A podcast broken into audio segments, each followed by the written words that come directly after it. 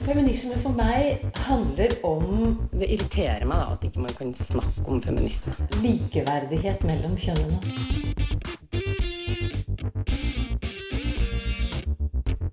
Det blikket på kvinnen på film. handlet det om å bli tatt på alvor som jente. Du hører på Kvinnesaken på Radio Nova.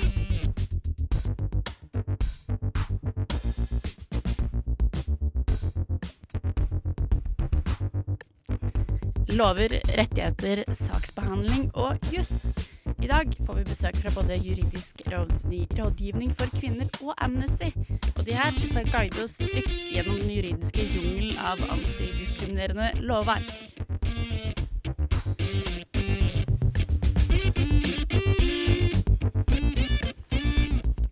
Hei, hei til deg, enten du hører på DAB-radio, FM-radio, nettspiller eller podkast. Det blir ganske vanskelig å drive med radio nå, altså. Velkommen til eh, ukas sending av Kvinnesaken. I studio så hører du meg, Eline. Og meg, Linda. Ja. Eh, som nok en gang skal ta deg gjennom en time med feminisme og alt hva det innebærer i den videste definisjonen. Mhm. Litt sånn partinøytralt som alltid. Ja. Ja. Og I dag så skal vi snakke om lover og regler. Eh, vi får besøk av både Amnesty og JURK, så det her blir kjempemorsomt.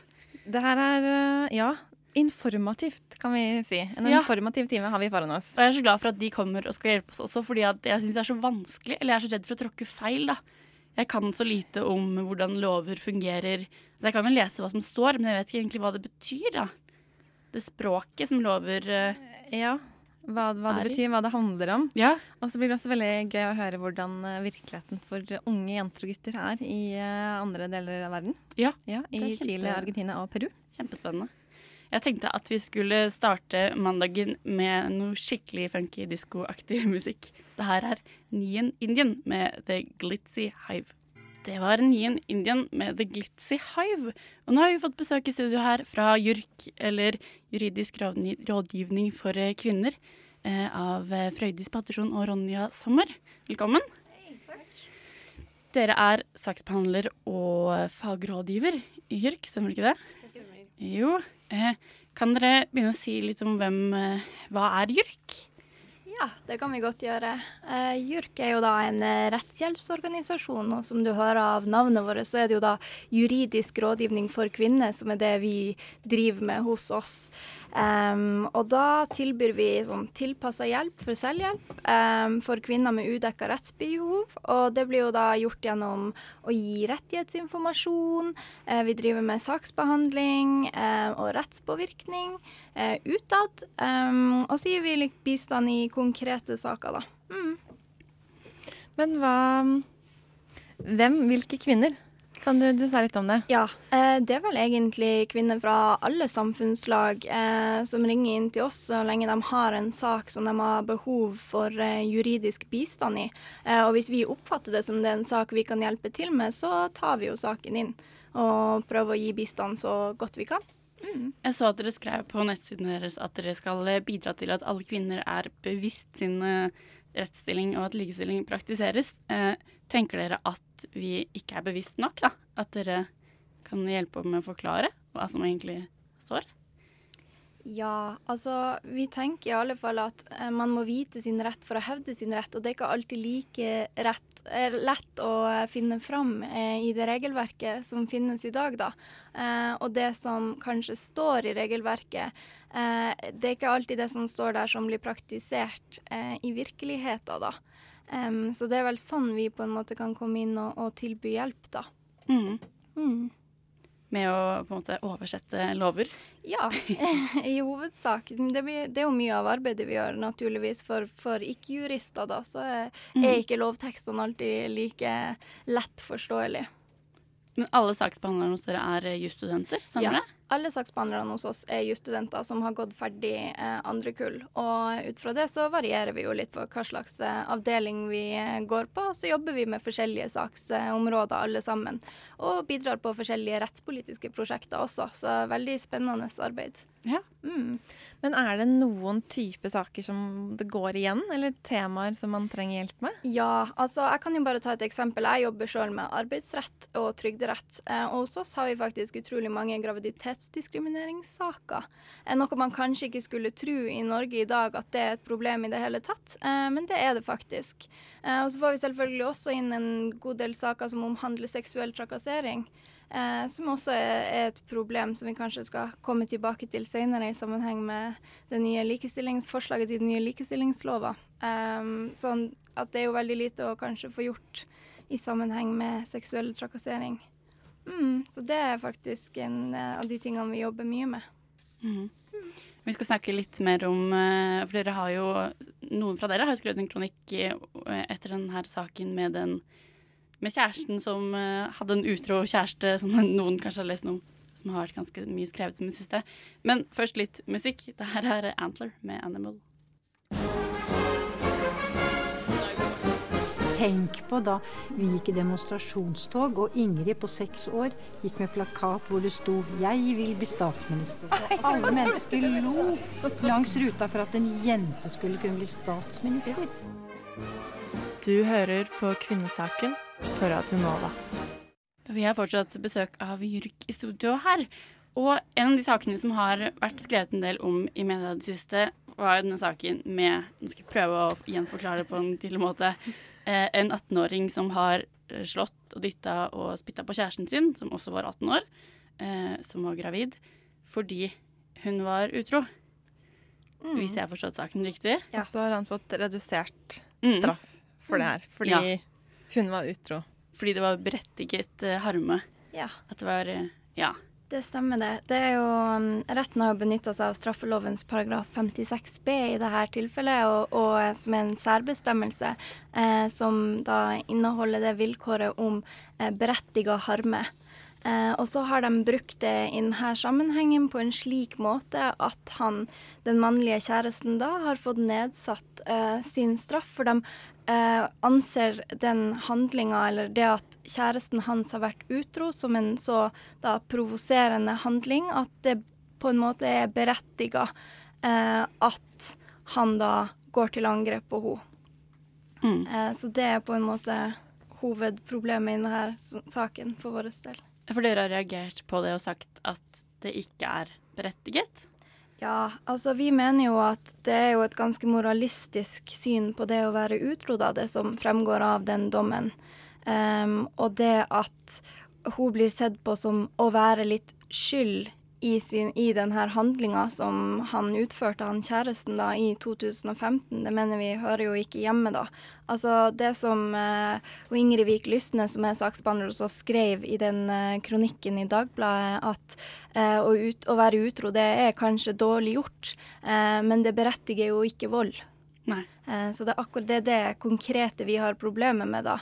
Um, det jo, må jo også være sagt at, at retten må jo få lov til å utøve skjønn, og man skal jo foreta en konkret og individuell vurdering av alle saker, uh, og av hva som har skjedd i den konkrete saken i det spesifikke tilfellet.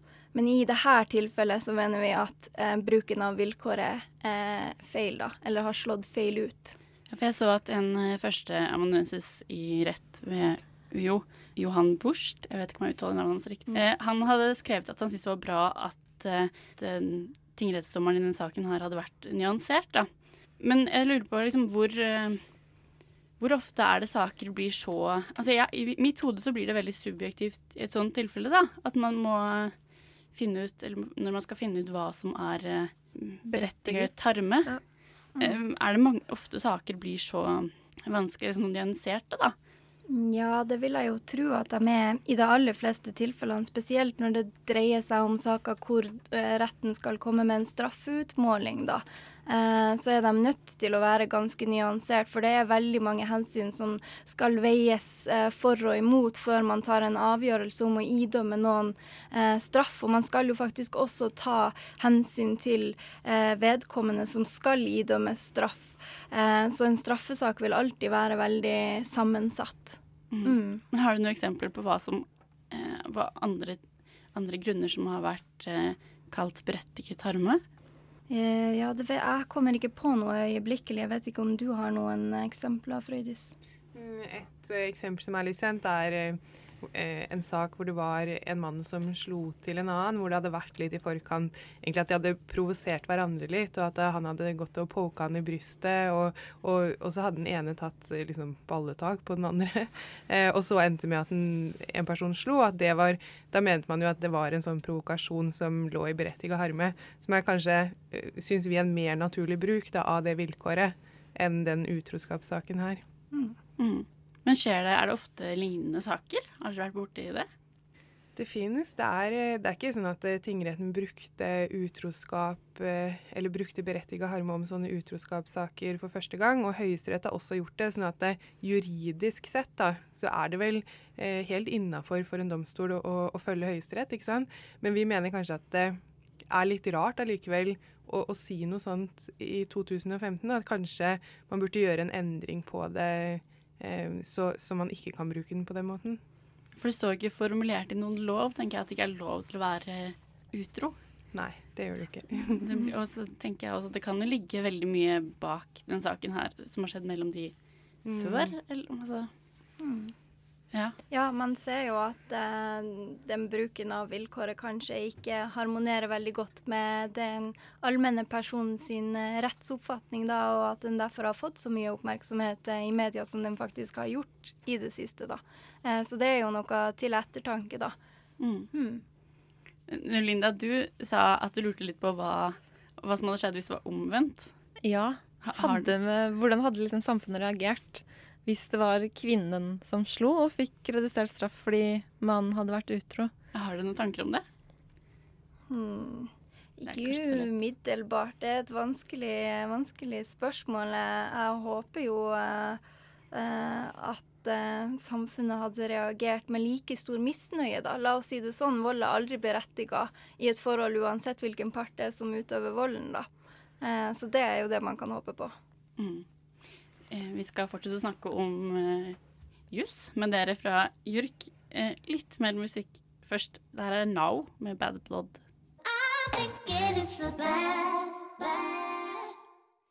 Det var Now med Bad Blood. Og i, i oktober i år så kom det et uh, høringsforslag om en uh, ny likestilling- og ikke-diskrimineringslov. Og jeg har funnet ut litt mer om det, og etterpå så skal JURK få lov til å forklare hva det egentlig handler om.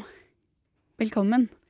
Jeg har gledet meg til denne dagen der jeg skal presentere regjeringens likestillingsmelding. Jeg er både stolt og glad at jeg som første Frp-statsråd legger frem denne.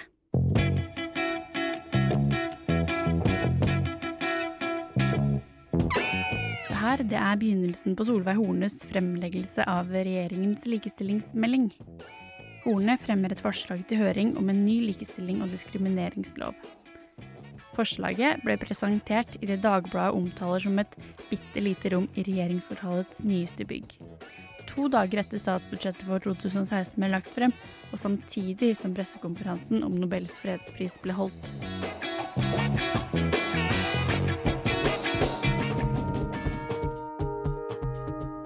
For øyeblikket så har Norge fire forskjellige lover som beskytter ulike grupper mot diskriminering.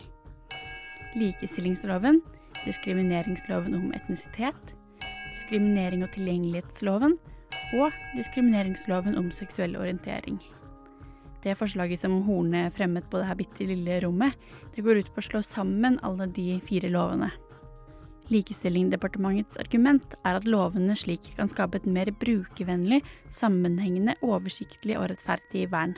De mest sentrale sakene som nevnes i høringsforslaget, er det høye frafallet av gutter fra videregående, likestilling i arbeidslivet, vern mot vold og overgrep, god helse for kvinner og menn, flere kvinner inn i næringslivet og Norges internasjonale likestillingsarbeid.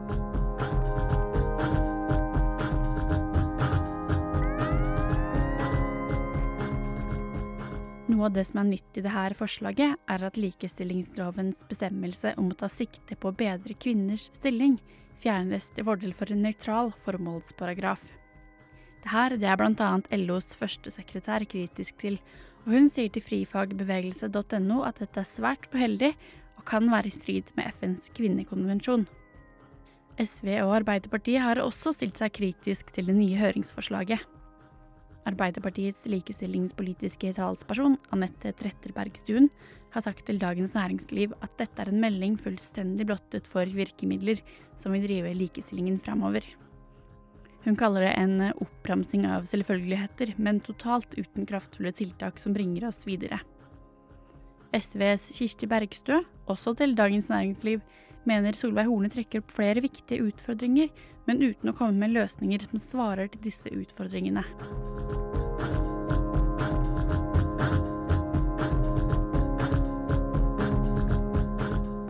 Barne-, likestilling- og inkluderingsminister Solveig Horne på sin side tror lovforslaget om en samla likestillingslov kan være med på å hjelpe dem som opplever diskriminering på flere grunnlag, og se sammenhengen mellom disse.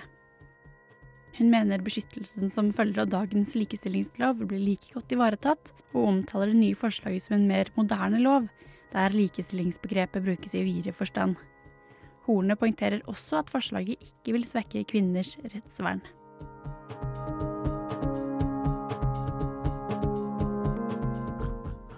Dere i JURK er vel også en av de her interesseorganisasjonene som det høringsforslaget er eh, jeg vet ikke helt hva man kaller det, sendt ut til, eh, retta mot. Altså, ja, sendt ut til. Ja. Mm. Eh, men kan vi kanskje først begynne med de her eh, fire lovene som vi har nå. Eh, hvordan fungerer de egentlig? Vi jobber jo mest med likestillingsloven, av og til de andre òg, men likestillingsloven er, er, den som har blitt brukt aller mest på huset hos oss. Um, og den fungerer jo greit. Um, da kan man, hvis man blir diskriminert, særlig på arbeidsplassen, som er kanskje det mest vanlige som vi får inn saker på, eh, ha mulighet til å, å, slå i bordet med en lov og, og få en endring pga. det. Um, så er det jo sånn at noen ikke har så veldig respekt for det som står i loven aleine, og at det å vise at du har feil, ikke alltid hjelper. Um, og da eh, må man i utgangspunktet gå til domstolen. Men eh, for saker etter likestillingsloven og de andre diskrimineringslovene, så finnes det også eh, en mulighet til å ta saken til Likestillings- og diskrimineringsombudet, og deretter til Likestillings- og diskrimineringsnemnda, som er en sånn lavterskel avgjøringsorgan, på en måte, hvor man kan eh, få en avgjørelse, og som i litt større grad eh, de som får en sak mot seg, der vil rette seg etter en, kanskje bare at vi peker på, på lovboka. Så det er en mulighet til å i en del saker eh, kunne få rett da, og slippe diskriminering, eller få en eller annen form for eh, tilbakebetaling eller noe, noe, økonomisk oppreisning eller noe sånt noe. Men det kan ikke Det kan bare ilegges av domstolene, sånn økonomiske eh, oppreisning. Sånn at det, eh, det er først og fremst det å få den avgjørelsen i hånda og vise til at hvis vi går til domstolene, så kommer vi sikkert til å få samme resultat. Du får litt mer tyngde, da. Mm. Hva tenker dere om det nye lovforslaget, da? Eh, de har jo eh, forsøkt å samle lovene, og det er vi ikke prinsipielt imot hos JURK. Det er en del kvinneorganisasjoner som er veldig imot bare det å samle lovene i seg sjøl. Eh, det er ikke vi. Men eh, vi har hele tiden sagt at eh, et krav fra oss for at vi skal godta en samling av lovverket, det er at eh, Eh, likestillingsloven skal ikke bli noe svakere for kjønnslikestilling. For det har vært noen av de andre lovene som har hatt et dårligere vern enn likestillingsloven. Da har vi sagt at de må heves opp på det samme vernet som likestillingsloven, ikke likestillingsloven dras ned. Og det ser vi at likestillingsloven blir svekka i det nye forslaget, så da går vi imot det. Ja, men Tenker du da på den nøytrale kjønns... Ja, det er både det at det, eh, den blir kjønnsnøytral, man tar bort det formålet for kvinner. Eh, så svekkes eh, det som Det er sånn strukturelt virkemiddel som ligger i den gamle loven om aktivitets- og redegjørelsesplikt for arbeidsgivere. At arbeidsgivere må jobbe for at det skal være likestillings i bedriften. Og også rapportere på det i årsrapporten sin. Og det svekkes også veldig i den nye loven. Um, så det er kanskje de, de viktigste tinga, men man ser også litt sånn småplukk her og der. Uh, så det er noen ting som er bra med den, men alt i alt så mener vi at kvinner kommer dårligere ut med den enn med den gamle likestillingsloven. Er dere enig i den kritikken om at, uh, at, det er mange gode poenger, men at den ikke har noe særlig drivkraft, på å si? Altså, at den ikke kan fungere så godt i praksis? Den nye loven? Mm. Um, det er de enkeltsakene jeg nevnte. Og så lurer jeg på kanskje likestillingsmeldinga, for det har kommet en melding også, en stortingsmelding samtidig, om eh, arbeid som skal gjøres utover lovarbeidet, eh, som var veldig svak på virkemidler. Eh, og det ser vi også at den var. Så hvis man ser det litt i sammenheng, så er det en klar svekkelse. Mm. Mm. Men sånn eh, generelt om lover og disse likestillingslovene, med begreper sånn som diskriminering, er det vanskelig å jobbe med de lovene her? Dere gjør det jo i praksis hele tiden. Ja, det er litt vanskelig. Det er jo hvis man eh, jobber med det, så kan man det jo. Men eh, diskrimineringsbegrepet er litt vanskelig, det rettslige diskrimineringsbegrepet er litt vanskeligere enn kanskje det hverdagslige. Fordi at det, det finnes på en måte et, et, slags veldig stort unntak som heter lovlig forskjellsbehandling. Og det er hvis det er saklig formål, hvis det, eh, det er god, god grunn og det veier opp mot eh, den forskjellsbehandlinga som blir gjort. sånn at det, Juridisk sett så kan man noen ganger tenke jeg er blitt diskriminert, og så kommer vi, gjør vi den der gjennomgangen etter loven og ser at nei, det er faktisk saklig forskjellsbehandling. Um, så det fins eh, Det er nok litt vanskeligere. Og også da, det gjelder jo også innenfor de andre grunnlagene, nedsatt funksjonsevne, etnisitet, alle de her, at det kan være vanskelig å, å vite hva som er juridisk diskriminering. Mm. Mm. Ja, så det er vanskelig å altså, Tror du det er veldig stor forskjell da, på det som står i loven og det som blir praktisert? Altså. Nei, ikke så stor Eller ja, vi har jo en del saker på det, f.eks. graviditetsdiskriminering. Mm. Så er det innmari mange som tror at det, ja, men vi må jo få lov til å, å klare oss i bedriften, eller vi må, må, kunne endre litt og gjøre det som er mest praktisk for oss, mens det egentlig er et veldig sterkt vern av gravide. Er det den typen er, Har du planer om å få barn snart? Ja, det er litt det å spørre om det, selvfølgelig. Men, ja. men, det som vi har mest saker på, det som også etter en sånn undersøkelse som er gjort av Likestillings- og diskrimineringsombudet er mest vanlig, det er enten for midlertidig ansatte kvinner som blir gravide, og som til vanlig alltid får forlenga den kontrakten sin, og så plutselig ikke får den forlenga. Så rett og slett mister jobben fordi de er gravide. Eh, og hvor arbeidsgiver tenker at det må jo kanskje være vi må, vi må bare gjøre det, det blir så tungvint for oss. Eh, og så er det de sakene hvor en gravid kommer tilbake, og så har man kanskje hatt en ganske god stilling, og så kommer man tilbake og så er alle arbeidsoppgavene endra, og kanskje man er redusert til mer sånn sekretæraktig arbeid. Så en del mm. sånne, sånne ting i arbeidslivet er ganske vanlig. Mm. Og det er jo absolutt ikke lov, men der tror jeg mange tenker at det, det må jo være lov å tilrettelegge litt for oss òg, liksom. Mm. Jeg tenker at eh, vi runder av der, men tusen takk for at dere kom, eh, Frøydis Patterson og Ronja Sommer fra JURK. Dere skal få litt eh, skikkelig bråkete musikk til å gå ut med. Kvinnesaken på Radio Nova.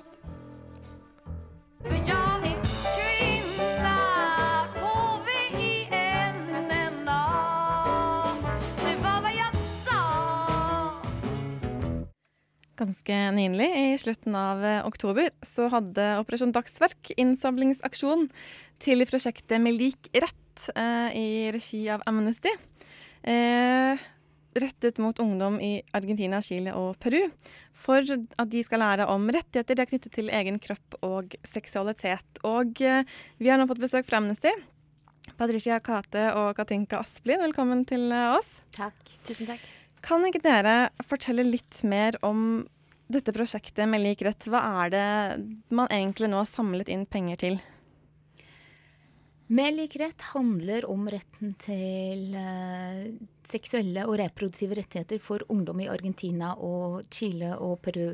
Det det handler om, er at de skal få opplæring om sine rettigheter. Vi skal opp, lære opp ungdomsledere som skal få kunnskap om hva rettigheter er, men som også skal utfordre holdninger knytta til homofili, til overgrep, eh, rett til å sette grenser, integritet.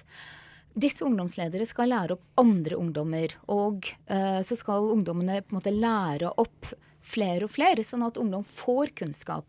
Når kunnskapen er på plass, så skal de kommunisere denne kunnskapen ut til samfunnet, til lærere, til foreldre, til helsearbeidere og andre. Og de skal drive med kampanje for å synliggjøre at ungdommens rettigheter i dag ikke blir ivaretatt, og de, de ganske alvorlige konsekvensene dette har.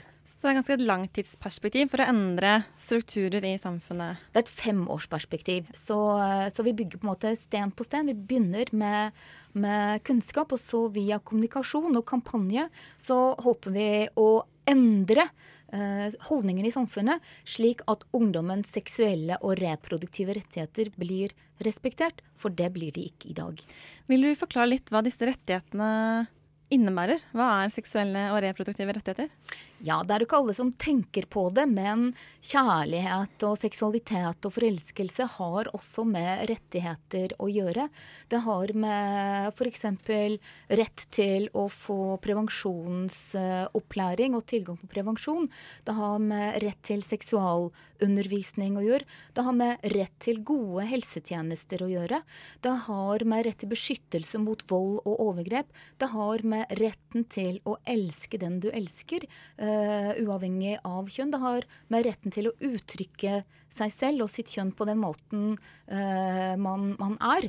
Så, så, det er veldig egentlig viktige rettigheter som er grunnleggende for å kunne være uh, lykkelig i livet. Men det her er jo helt selvsagte ting som man lærer om i den norske skolen. Hvorfor lærer ikke ungdom i Sør-Amerika om disse rettighetene? Seksualitet er nok mye mer tabuisert i de aller fleste latinamerikanske land.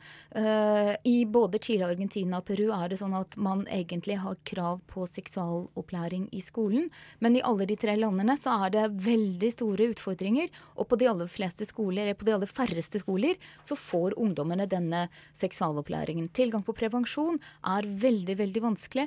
Uh, tilgangen til, til uh, fortrolighet i i møte med helsevesenet er også ikke-eksisterende. Så ungdommens foreldre blir kontaktet dersom de f.eks. Eh, kontakter helsesøster eller lege for å få tak i prevensjonsmidler. Og det er jo veldig ugreit. Eh, at du ikke At din måte din fortrolighet med legen ikke blir respektert. Mange ungdommer eh, de lar da være å bruke prevensjon. Og den alvorlige konsekvensen det har, er jo at det er veldig veldig mange unge jenter som blir gravide før de er 20 år. Men hva skjer da? Altså Hvilke muligheter har unge kvinner som blir ufrivillig gravide i, i Sør-Amerika? Uh, de kommer i en veldig vanskelig livssituasjon. For det første fordi det er så mye tabuer knytta til uh, seksualitet. At kvinner som blir gravide utenfor uh, ekteskap, unge jenter, de, de, de, kan risikere å bli utstøtt. Vi vet jo f.eks. at 85% av de unge jentene som blir gravide før de fyller 20, de slutter på skolen. Ganske mange slutter på skolen fordi de blir kastet ut uh, av skolen. For, fordi de da uh, blir betraktet som et dårlig eksempel for uh, andre jenter. Så én av seks jenter i Argentina og Peru, én av åtte jenter i uh, Chile blir gravid før de fyller 20 år. Så en ung jente uten utdanning, uten på en måte sosiale støtteordninger, uh, utstøtt av lokalsamfunnet med en far som noen ganger er der og noen ganger ikke, havner jo i fattigdom. Og det er jo det som er det store problemet. Vi skal snakke litt mer om arbeidet deres rundt det her snart. Men først Apothec. Det var Apothec med Family, og i Kvinnesaken her i dag så snakker vi litt om uh, rettigheter. Og dere, vi har besøk nå fra Amnesty. Uh, og dere snakker jo ganske mye om seksuelle rettigheter, kan du si det? Ja, jeg lurer litt på, for dere nevnte kort uh, dette med um, litt om homofili og, og transseksualitet og slike ting. Hvordan er det å være homofil eller transseksuell i, i disse søramerikanske landene? Eh, det vi så da vi var på tur eh, Vi har vært på studietur i Argentina, Chile og Peru. Og det vi opplevde, er at det er ikke så veldig greit å være ungdom og være homofil, lesbisk, bifil eller transperson. Det er veldig mye fordommer som er knyttet til det. Eh, det har veldig mye med kulturen. Der vi bruker et begrep som heter machismo-kultur, veldig mye i disse landene. Som er um, um, hvor mannen skal være den dominerende, og det er veldig mye stolthet knyttet til seksuell dominans. Eh, og derfor skal du være en veldig sånn sterk, brautende kar. Og det å være en, altså i mangel på et bedre ord, ord en myk mann, er på en måte ikke helt greit. Er det sånn at når mennene skal være så sterke, så blir kvinnene tilsvarende svake? Altså de blir liksom motpolen, da? Det er jo, altså Innenfor denne machismo-kulturen så er det på en måte mannen som skal ta seg av kvinnen, så det blir litt motpoler. Mm. Uh, og da er det veldig disse to uh, kjønnsrollene som, eh, som på en måte bare er en norm i samfunnet, og som eh, ved at man da ikke har seksualundervisning, så går man ikke inn på å diskutere disse viktige kjønnsrollene. Eh, Så det vi opplevde da vi snakket med ungdom i Chile, Argentina og Peru, er jo hvor vanskelig det kan være å være homofil. Og flere vi snakket med som hadde blitt kastet ut av skolen fordi de var homofile. Og da begrunner skolen det med at det ikke er lov med såkalt eh, public displays of affection, altså det er ikke lov å kline på skolen f.eks. Ja. Eh, men det var ingen heterofile par som opplevde den samme behandlingen. Så det er på en måte helt tydelig at det er diskriminering mot eh, LHBT-personer, da. Men dere vil jo lære opp ungdommer, eh, og de skal lære opp andre ungdommer og skape rom hvor man kan diskutere seksualitet. Er dette temaet tema som dere vil, eller som ungdommene selv ønsker å snakke med hverandre om?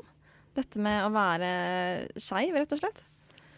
Ja, det er det jo absolutt. Altså det å kunne snakke åpent om sin egen seksualitet, det er jo veldig viktig. Og det er jo en kampanje som Amnesty har hatt i flere år. Det at å elske er en menneskerett. Og det er nettopp det Patricia snakket om tidligere, at det er kanskje ikke så mange som er helt klar over det, men det med forelskelse er også en, er også en menneskerett som er veldig viktig for å for å, å leve altså, trygge og verdige liv. Det er å på en måte bli respektert for den man er, uten diskriminering. Så det er absolutt veldig viktig at ungdom tør å snakke med hverandre om eh, seksualitet. Det som er fint med dette prosjektet, er at det jo er eh, av, for og med ungdom. Så her er det ungdom selv som har sagt at eh, de syns det er viktig å få kunnskap. Og de syns det er viktig at det er ungdom som lærer opp annen ungdom, fordi det er ofte vanskelig. Eh, Og kan være litt kleint hvis du som ungdom skal spørre voksne mennesker, eller snakke med voksne om dette med prevensjon, om dette med kjønnsroller, om dette med respekt for grenser. Og eh, eh, de har selv sagt det er viktig at, at de litt eldre ungdommene lærer opp de yngre. Så derfor har vi valgt det slik at det er ungdomsledere som får den første basiskunnskapen, og de skal lære opp andre ungdommer. Jeg vil bare helt sånn kort komme inn på For Dagens Næringsliv hadde en uh, reportasje tidligere i år om vold, særlig mot unge barn. eh, seksuell vold. Hvordan er det mye seksuell vold også i Argentina, Chile og Peru mot unge kvinner? Det er mye seksuell vold, og eh, det er, eh, det er fordi det er fordi, fordi seksualitet er så taushetsbelagt, og for un fordi ungdom ikke har noe kunnskap om seksualitet, og fordi det ikke snakkes om grenser og rett til å bestemme over sin egen kropp, så blir unge, og særlig unge jenter, veldig sårbare for overgrep. Eh, tall fra Peru er eh, det er 35 000 jenter og kvinner som blir gravide etter å ha vært utsatt for voldtekt eller incest hvert eneste år. Uh, og vi fikk ikke på en måte samme statistikk fra de andre landene, men det er ikke grunn til å tro at, at overgrepene er lavere i, i Argentina og Chile. Så det, så det henger sammen. Det å ha kunnskap er også viktig for å kunne forebygge vold og overgrep. Så dette er et fantastisk prosjekt. Vi er så glad for at Operasjon Dagsverk eh, valgte Amnesty og Amnestys prosjekt for seksuelle og reproduktive rettigheter til ungdom i Chile, Argentina og Peru. Tusen takk for at dere kom i studio, Patricia Kate og Katinka Asplin fra Amnesty.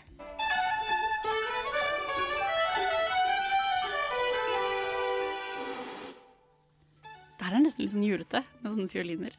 Det er snart jul. det? Ja.